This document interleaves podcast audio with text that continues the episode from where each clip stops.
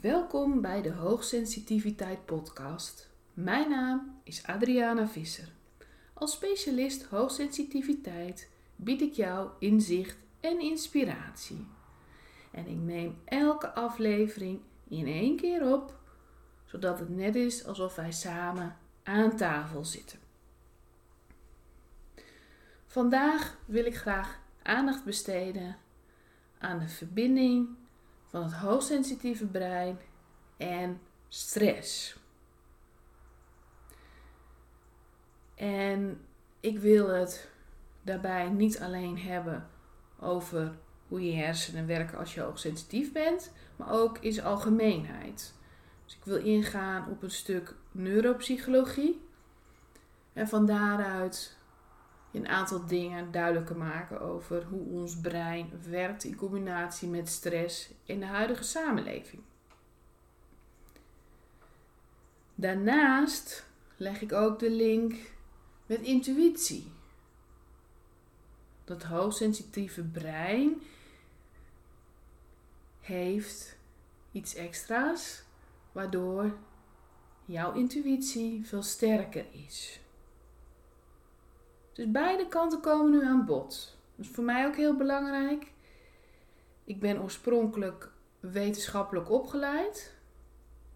Maar ik ben ook altijd al erg intuïtief geweest. Zeer geïnteresseerd in het onderbewustzijn. En vanuit die combinatie werk ik ook altijd. Het gaat allemaal om bewustzijn. Dus begrijpen hoe dingen in elkaar steken en wat er in het onderbewustzijn leeft, wat je intuïtief voelt, dat bewust maken. Zodat je invloed krijgt, je regie krijgt op jouw leven.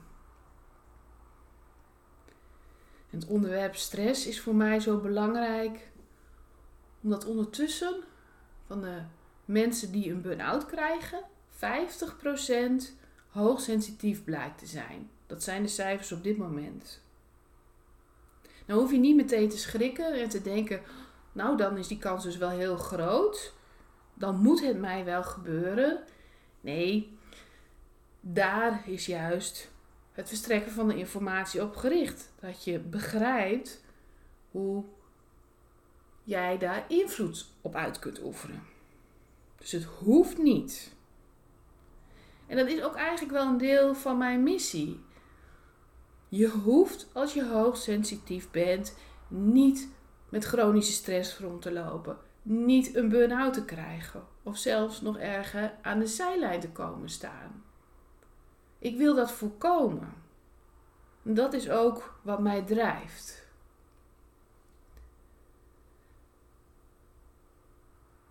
Terug naar het hoogsensitieve brein. Misschien kun je je voorstellen dat als je meer opmerkt, je daar ook meer stress van kunt krijgen. Alleen al het feit dat je doet, je merkt meer op, daardoor komt er ook meer informatie binnen. Maar het is niet alleen informatie die binnenkomt, het zijn ook emotionele signalen. Dus je voelt veel meer wat er met andere mensen aan de hand is en wat voor emoties ze uitzenden. Dus dat heeft enerzijds invloed. Ja, hoe meer je opmerkt, hoe meer energie dat kost. En je kunt ook meer dingen opmerken die aanleiding tot stress geven. En dat ga ik vandaag even toelichten. Voorafgaande heb ik al eens eerder uitgelegd. Om het even heel praktisch te maken. Een ander die niet hoogsensitief is, kan een ruimte binnenstappen en dan vooral opmerken dat er een gesprek gevoerd wordt en het onderwerp kan je dan wel of niet interesseren. Misschien komen er nog een aantal meer nuances bij. Je mag iemand wel, je mag iemand niet. dat soort zaken. Maar als je hoogsensitief bent, kun je vaak na die tijd haast uittekenen. Niet letterlijk, kan. Hè? De een kan goed tekenen, de ander ziet het voor zich. Hoe die kamer eruit zag. Dus wat voor kleur de gordijnen hadden. Of er bloemen stonden of niet. Dat soort details. En dan echt heel veel details. Veel meer dan je op dat moment beseft. Die kunnen vaak later nog naar boven komen. Soms jaren na die tijd nog. Je slaat veel meer informatie op dan je beseft. Dan kom je dus weer op het punt dat je het ook allemaal weer moet verwerken. Of nou bewust is of onbewust, dat je dat weet, van hoe zag die kamer helemaal uit, dat moet weer een plekje krijgen. En daarnaast voelde je ook nog weer dat jouw gastheer en gastvrouw eigenlijk net ruzie hadden gehad. En dat het misschien wel helemaal niet zo gezellig was. En het viel je op dat er net een vuilniswagen langs reed. En er komen nog eens wat andere gedachten voorbij. Van andere visites, verjaardagen en dergelijke die je hebt afgelegd. En ga maar door. Er komt zoveel naar boven. En dat moet je dus allemaal verwerken. Dat moet allemaal een plekje krijgen. En nogmaals, dat heb ik al vaker gezegd, daar heb je tijd en ruimte voor nodig. En als die er niet is, dan blijft het een constante prikkel, die informatie, op de achtergrond. En dat kost je energie. Nou, kom ik weer op het feit dat je daarnaast anders reageert. Je hebt intensere emoties. Dus ja, je reageert heftiger op het feit dat er blijkbaar een ruzie geweest is. En ja, je hebt een bepaald gevoel nog bij wat er bij andere visites gebeurd is. Dat gevoel komt zo weer bij jou boven. Dat wordt zo weer opgeroepen. En in zijn algemeenheid kun jij ook meer een stressreactie hebben. Dat is hoe jij meer reageert. En wat ik er nu aan toe wil voegen is dat ook je lichamelijke reacties heftiger zijn. In al die jaren in mijn praktijk hoor ik heel vaak dat het lichaam reageert. Nou, ook al zou je niet hoogsensitief zijn, ik moet de eerste persoon nog tegenkomen die niet bij stress last krijgt van zijn nek of schouders. Alleen als je hoogsensitief bent, voel je dat nog nadrukkelijker. Je nek, je schouders. Kan ook zijn dat je hoofd opspeelt bij stress, dat hoor ik ook heel vaak, of je buik. Maar je krijgt heftige lichamelijke reacties. En dat kan ook een reactie zijn op wat je voelde toen je op die visite was. Dus dat je echt last krijgt, bijvoorbeeld van je maag, door die ruzie die eerder heeft plaatsgevonden, waar je zelfs nog niet eens bij was. Het gevoel hangt nog in de ruimte, de mensen stralen er nog uit. En dan kan je soms ineens het idee hebben van waar komt het ook allemaal vandaan? Het is niet eens bewust. Het kunnen ook andere dingen zijn als waarom loop ik nou ineens zo te gapen? Dus je lichaam vertoont allerlei reacties. En soms ben je er bewust van waarom. En heel vaak is het ook helemaal niet bewust waar het vandaan komt, waarom je zo reageert. Het lichaam kan dan een stressreactie geven. En Het kan ook duidelijk aangeven dat je zelf stress hebt. Je ervaart je eigen stress ook heftiger dan iemand anders die niet hoogsensitief is. Dus als jij last van stress hebt, gebeurt er meer met je. Doordat dat zenuwstelsel gevoeliger is. Doordat je intensere emoties hebt. Doordat je het veel diepgaander verwerkt. Als je niet oppast, dan kan het een opeenstapeling worden van andere momenten dat je stress had. Jouw hersenen pakken die momenten er ook bij. Dus heel kort samengevat, je bent gevoeliger voor je eigen stress. Krijg je heftige reacties op. Maar je bent ook gevoelig van de stress van anderen. Die komt ook bij jou binnen. En ik ken zelfs heel veel mensen bij wie dat echt in hun lichaam gaat zitten, in hun systeem. Dus de stress van andere mensen of hun emoties, die voelen ze in hun eigen lichaam en in hun eigen systeem. En dan moet je er dus maar net bewust van zijn dat het niet van jou is, maar van de ander. Dat is ook belangrijk om aandacht aan te besteden. Want dan kun je in ieder geval beseffen, die stress is van iemand anders. En dan mag ik loslaten. Makkelijk gezegd, ik weet het, maar ik leer mensen ook hoe ze het los kunnen laten. Nou, dat is tot zover over de verbinding van het hoogsensitieve brein en stress. Ik heb ook al gezegd, ik wil verder op de neuropsychologie ingaan. Neuropsychologie houdt zich bezig met de functies van het brein en de relatie daarvan met gedrag. En toen ik vroeger begon te studeren, was daar minder over bekend. Maar in latere studies, waarin ik meer medische basiskennis kreeg, psychosociale basiskennis, toegepaste psychologie, was er al veel meer bekend over de werking van het menselijke brein. Ik vind dan ook vooral interessant dus die verbinding met stress.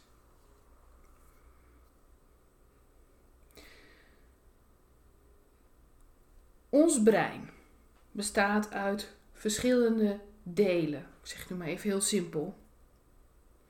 Op het moment dat jij last van stress hebt, reageert jouw reptiele brein. Dat is het alleroudste deel van jouw brein. En dat brein is vooral gericht op overleven. Op het moment dat jij een stressreactie hebt, denkt jouw brein: Dit is een geval van leven of dood. Ik moet overleven. En dat was vroeger ook zo. Die stressreactie die jij had, was toen: Oh jeetje, er komt een wild dier aan en dat wil mij verslinden. Nou, dan hoop je dat je de reactie hebt van ik moet vluchten. Dat je niet bevriest. En dan vlucht je. Alleen ons brein is er niet op ingesteld dat in de huidige maatschappij er constant zaken zijn die stress oproepen. En die gaan helemaal niet op leven en dood. Maar dat weet jouw brein helemaal niet.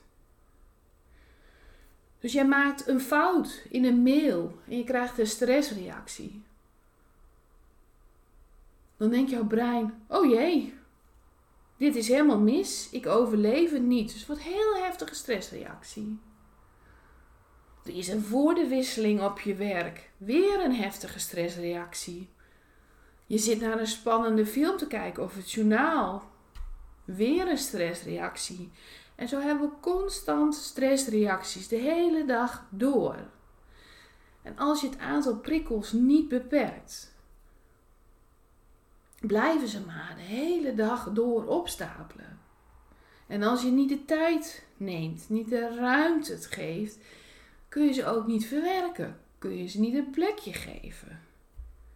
Dus dat deel van jouw zenuwstelsel, dat jou actief moet houden, dat jou moet beschermen, dat wordt steeds actiever en actiever. En het deel dat moet zorgen dat je je ontspant en dat alles weer in balans komt, dat komt steeds minder aan bod. Dus in onze maatschappij gaat het maar door en door. Stress stapelt zich op en maar op en maar op. En dan is het een kwestie van je moet ontspannen. En in zijn algemeenheid denken wij: oh, ontspannen, dat moet je dus gewoon even doen. Maar dat is niet simpel.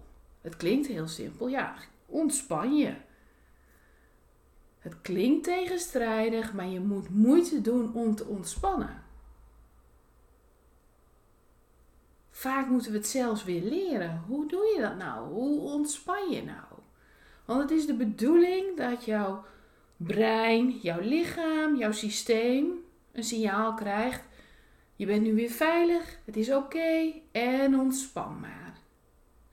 Maar prikkels blijven stapelen, omdat die stress blijft stapelen, komen we vaak niet meer tot rust. En als dat een langere periode doorgaat, noemen we het chronische stress.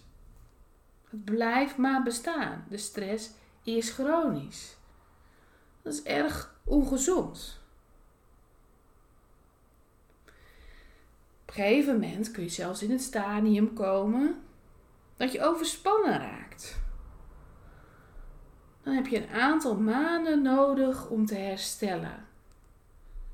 Nog ernstiger is het als je een burn-out krijgt. Dan ben je opgebrand en niets lukt meer.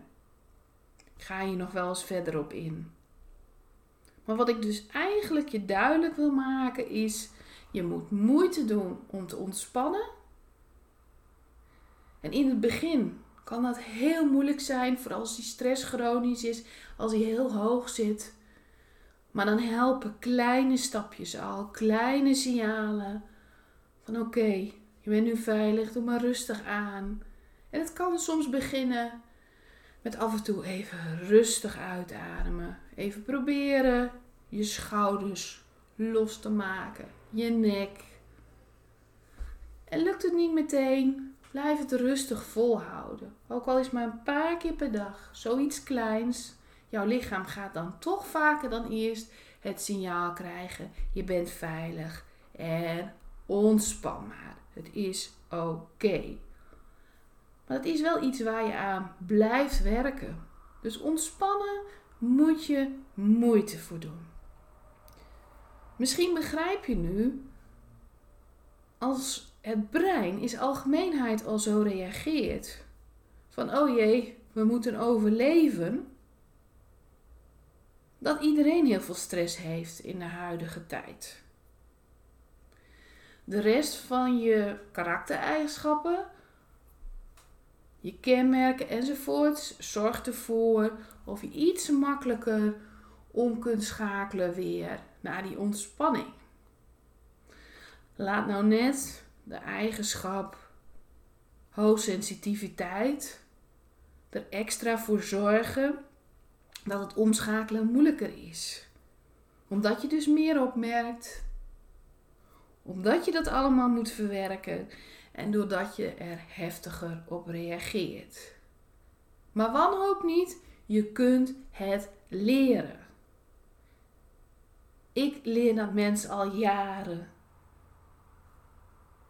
En het kan echt.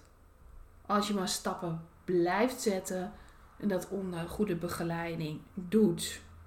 Het is niet iets wat hem even een paar keer doet. Nee, je moet echt je hoogsensitiviteit onder ogen zien, je stress onder ogen zien en dan actief invloed erop uit willen oefenen. Tot slot wil ik op het intuïtieve stuk ingaan, het onderbewustzijn. Toen ik met mijn eerste studie begon, werd er tijdens psychologie nog heel veel aandacht besteed aan het gedachtegoed van Carl Jung. En het lastige was destijds dat het toen wel, uh, ja, hoe zou ik het zeggen? Ja, het werd toen als belangrijk gezien. En toen ik latere studies deed, kwam het haast niet meer terug. Want ze vonden zijn gedachtegoed moeilijk wetenschappelijk te toetsen. Laat ik het daar maar op houden. Maar het heeft mij altijd wel aangesproken. Want ik vind het onderbewustzijn ontzettend belangrijk. Het grootste gedeelte gebeurt namelijk onbewust. Dus als mensen bij mij komen, werk ik niet alleen met het bewuste deel van het brein, maar ook het onbewuste deel. En dat maak ik bewust, zodat je tot helpende patronen kunt komen. Die herprogrammeren als het ware. Wat je nu niet helpt, zetten we om in helpende patronen. Pardon.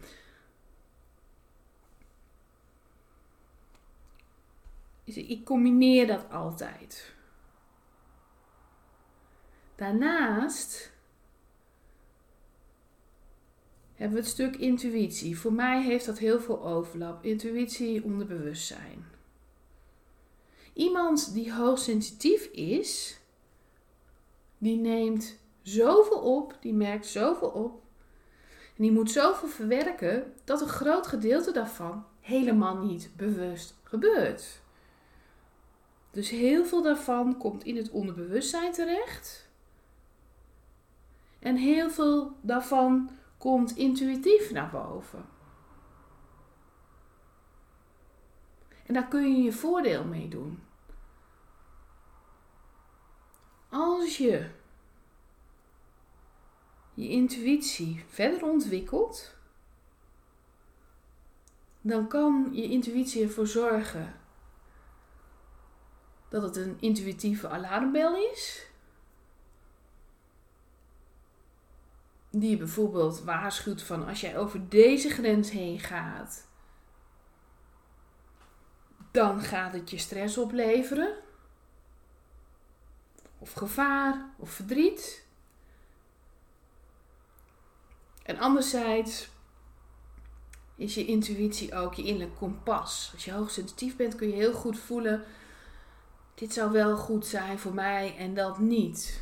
Maar daarvoor moet je hoogsensitiviteit onder ogen zien en omarmen.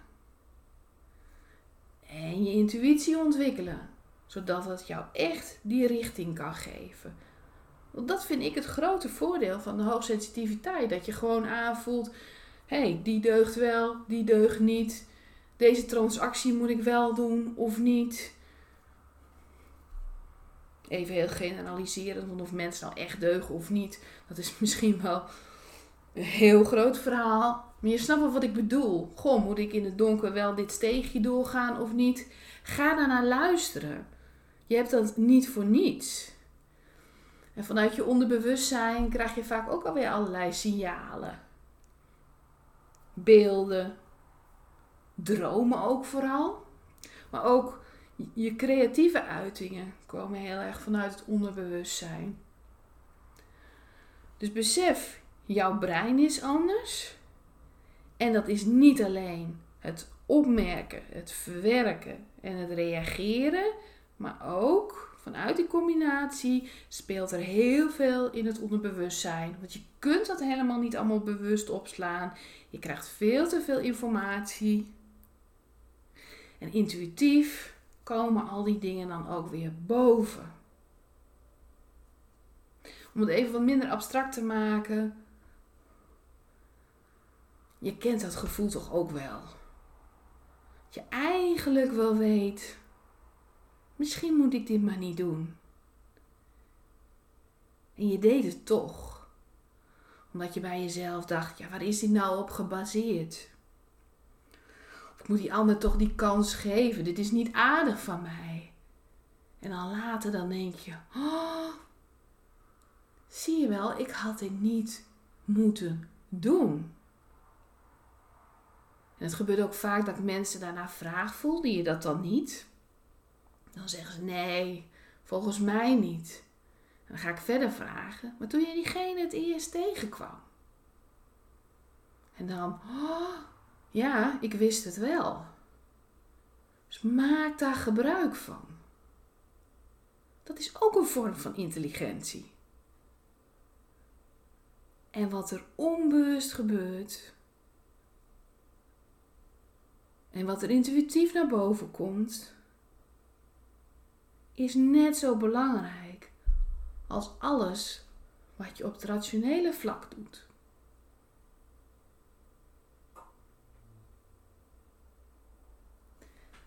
En als je alles omarmt,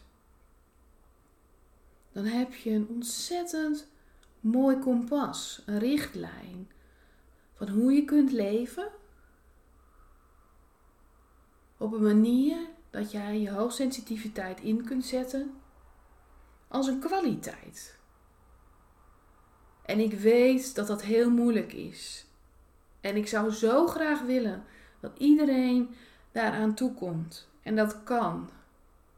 Maar in de loop der jaren heb ik gemerkt dat vooral het uit balans zijn, last hebben van chronische stress, overspannen zijn of zelfs een burn-out hebben, vaker voorkomt. En daarna kan die omslag gelukkig bij een deel van de mensen wel gemaakt worden. Dan wordt het echt een kwaliteit. Maar eerst zal die balans er moeten zijn. En daarom help ik mensen daar dus ook bij. Omdat ik niet wil dat als je hoogsensitief bent, dat je chronisch gestrest bent, dat je overspannen bent of zelfs een burn-out krijgt. En helaas zien we dat vaak niet zelf aankomen. En uiteindelijk wil ik inderdaad het allerliefste dat het jouw kwaliteit wordt. En beide, daar help ik je heel graag mee. Wil je het een en het ander nog nalezen? Ben je benieuwd wat ik doe? Wil je reageren op de podcast? Dan verwijs ik je graag naar mijn website www.adrianavisser.nl. Ik bedank je weer voor je aandacht en ik wens je een hele fijne dag of avond, wanneer je maar luistert. En tot de volgende aflevering.